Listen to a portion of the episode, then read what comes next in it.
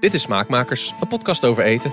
Mijn naam is Segert van der Linden en elke maand praat ik met iemand over eten, drinken en alles wat daarbij komt kijken. Met deze week de standaard uitrusting van hippe vegetariër Isabel Boerdam. Twee weken geleden hoorde je mijn gesprek met haar over de week zonder vlees, de pragmatische toekomst van ons eetpatroon en lekker vegetarisch eten. En dat laatste, daar gaan we deze keer mee verder. Want welke drie gerechten moet je volgens Isabel echt kunnen maken? Dat hoor je nu met in de eerste hoofdrol bloemkool.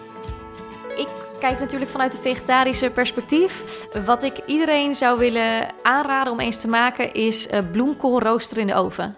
Het klinkt zo super simpel, maar ik denk de gemiddelde Nederlander kookt bloemkool. Mhm. Nou, persoonlijk ben ik er dan echt geen fan van. Maar uh, men neemt een bloemkool, men snijdt hem in roosjes. Um, uh, gooi hem in een kom met een flinke scheut olijfolie, zout en peper. Even schudden, oven 180 graden, bloemkool op een bakblik, roosteren, 20 minuutjes. Je weet niet wat je proeft. En dit ga je dan verwerken in een spaghetti, bijvoorbeeld gecombineerd met spinazie. Uh, of in een curry of gewoon bij je AGV. Maar echt, het is 200 keer lekkerder dan je gekookte bloemkool. Wat doet het dan met de smaak? Ja, je krijgt een beetje dat geroosterde randje. Dus het wordt iets rokerig. Het wordt iets zoeter. Uh, ik gooi er ook nog wel eens wat um, uh, honing of ahornsiroop doorheen... dat hij nog wat zoeter wordt, maar dat hoeft niet. Um, nou, het, je krijgt echt een veel diepere, spannendere smaak. Oké, okay, ja, en je hebt ook niet de kans... wat je natuurlijk... Uh, dat is wel grappig trouwens dat hier een hele grote bloemkool aan de muur hangt. Maar Ja. dat, dat geheel terzijde. Een, foto trouwens, niet een echte bloemkool. Um, maar je vermijdt natuurlijk het risico dat die, dat die bloemkool zo, uh, ja, als je net twee minuten te lang kookt, dan wordt hij zo, zo snotterig, zo zacht en smooshy. En dan kun je hem zo tussen je vingers zo in elkaar ja. knijpen. Ja. Dat, dat voorkom je hiermee. Uh, nou, natuurlijk, als je het 45 minuten in de oven stopt, dan ja, is het A okay. zwart en B ook mushy. Maar uh, um, qua smaak gaat het je veel meer opleveren dan een gekookte bloemkool. Ja, nou, heel goed. En, en de tweede?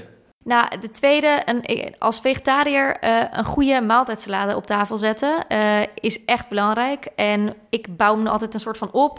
Van je hebt altijd iets van slaapblaadjes en dan iets van pulvruchten. Dus ik trek gewoon een willekeurig blik pulvruchten open, was even af.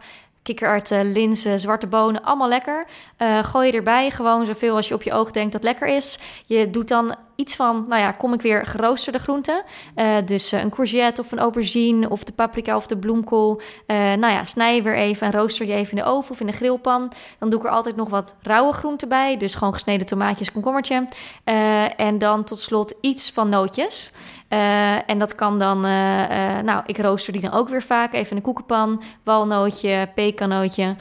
en als ik dat in huis heb, gooi ik er nog iets van hummus bij of um, hutekezen. Dan heb je echt een feestsalade die super goed vult. Gewoon een goede maaltijd. Ja, wat ik vaak nog, ik heb altijd een, een pot, een wekpot in de koelkast staan met ingemaakte, vaak wortels. Oh, leuk. Dan op zuur en dan die in stukjes snijden. Na ja. een week kun je die in stukjes snijden en dan kun je ze heerlijk er doorheen doen. Dus ook altijd. En het ziet er heel leuk uit, want het geeft lekker die oranje kleur. Dat is Zeker. ook leuk altijd. En de, de laatste. Uh, mijn favoriete soep, die echt in, uh, in 20 minuten op tafel staat, uh, is gegrilde paprika soep. dus wat ik dan doe, is ik, ik pak gewoon drie hele rode paprika's en die gooi ik in een ovenschaal met een beetje olie. Gewoon heel in de oven. Um, nou, ik denk 25 minuten of 20 minuten, 200 graden. totdat ze echt een beetje beginnen te blakeren. nou, sommige mensen zeggen dan trek het velletje er nog af. Nou, soms ben ik daar te lui voor. Maakt ook niet echt uit. Um, je snijdt even het steeltje eraf en dan gooi je hem in een keukenmachine samen met een liter groentebouillon. Um, ja, eigenlijk een liter groentebouillon. Dat is het al. Ja, je kan er nog, je kan er nog eventjes een geroosterd uitje, geroosterd knoflookje bij doen. Hoeft ook niet. Ik ben zo makkelijk. En dan uh, blend je dat. En het is lekker als hij niet te dun is. Maar dat je dus echt die paprika smaak hebt. En dan vaak gooi ik er zelf nog een, uh, een eetlepel uh, kikkererwten doorheen. En pijnmanpitjes. Stopsoepje. En klaar. Dit was hem, de standaard uitrusting van Isabel Boerdam. In april ben ik er natuurlijk weer. Dan ga ik je voorstellen aan Aniek Keizers. Groot kans dat je nog nooit van haar gehoord hebt, maar zij heeft, wat mij betreft, een van de mooiste Instagram-accounts van Nederland. En volgende maand komt haar boek IJs Co uit. Dat wordt dus een heerlijk gesprek over ijs. Tot die tijd, wees als Roland Blaak, die in iTunes een mooie recensie schreef over smaakmakers.